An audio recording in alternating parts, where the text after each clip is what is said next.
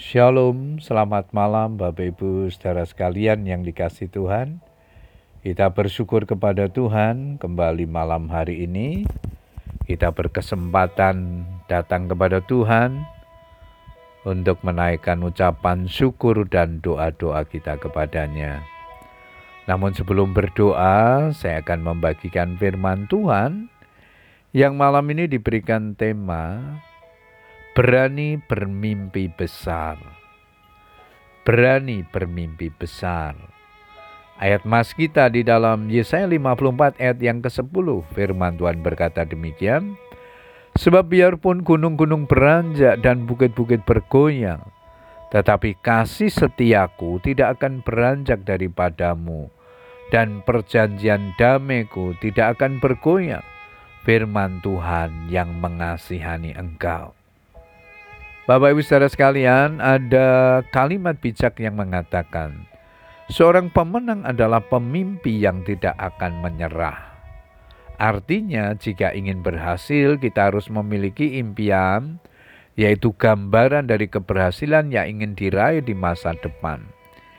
Impian akan mendorong orang untuk berusaha dan berjuang sampai mimpinya menjadi sebuah kenyataan Sebab mimpi tidak akan terwujud melalui magic, tetapi perlu semangat dan usaha yang keras untuk mewujudkannya.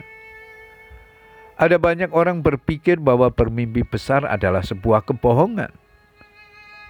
Tetapi di dalam Tuhan justru Tuhan akan melakukan perkara-perkara besar bagi mereka yang memiliki impian yang besar. Sebagai contohnya adalah Yusuf. Keberhasilan Yusuf menjadi pemimpin di Mesir dimulai dari sebuah mimpi. Meski ia harus melewati proses yang panjang. Tuhan Yesus berkata, "Sesungguhnya jika kamu percaya dan tidak bimbang, kamu bukan saja akan dapat berbuat apa yang kuperbuat dengan pohon ara itu, tetapi juga jikalau kamu berkata kepada gunung ini, beranjaklah dan tercampaklah ke dalam laut. Hal itu akan terjadi. Matius 21 ayat 21. Impian yang besar akan memperbesar kapasitas iman kita sehingga kita akan menerima hasil sebesar iman tersebut. Perhatikan, pohon akan tumbuh sesuai dengan ukuran tempatnya. Jika pohon ditanam di tempat yang besar, pohon itu akan bertumbuh besar. Sebaliknya jika pohon itu hanya ditanam di pot yang kecil, pertumbuhannya pun akan terbatas. Apakah kita menginginkan usaha atau pelayanan kita akan semakin diperluas? Mau tidak mau, kapasitas diri kita pun harus diperbesar.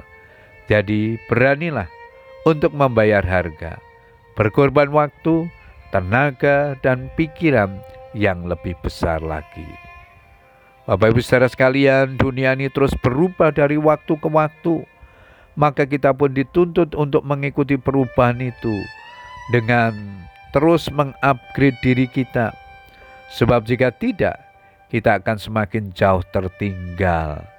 Karena itu Yesaya 54 ayat yang kedua mengingatkan kepada kita, panjangkanlah tali-tali kemahmu, dan pancangkanlah kokoh-kokoh patok-patokmu.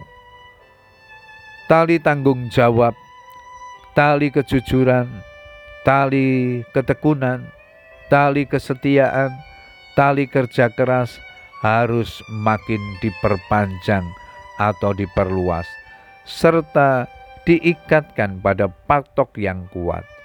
Dan patok itu adalah Tuhan kita, Yesus Kristus, gunung batu yang teguh.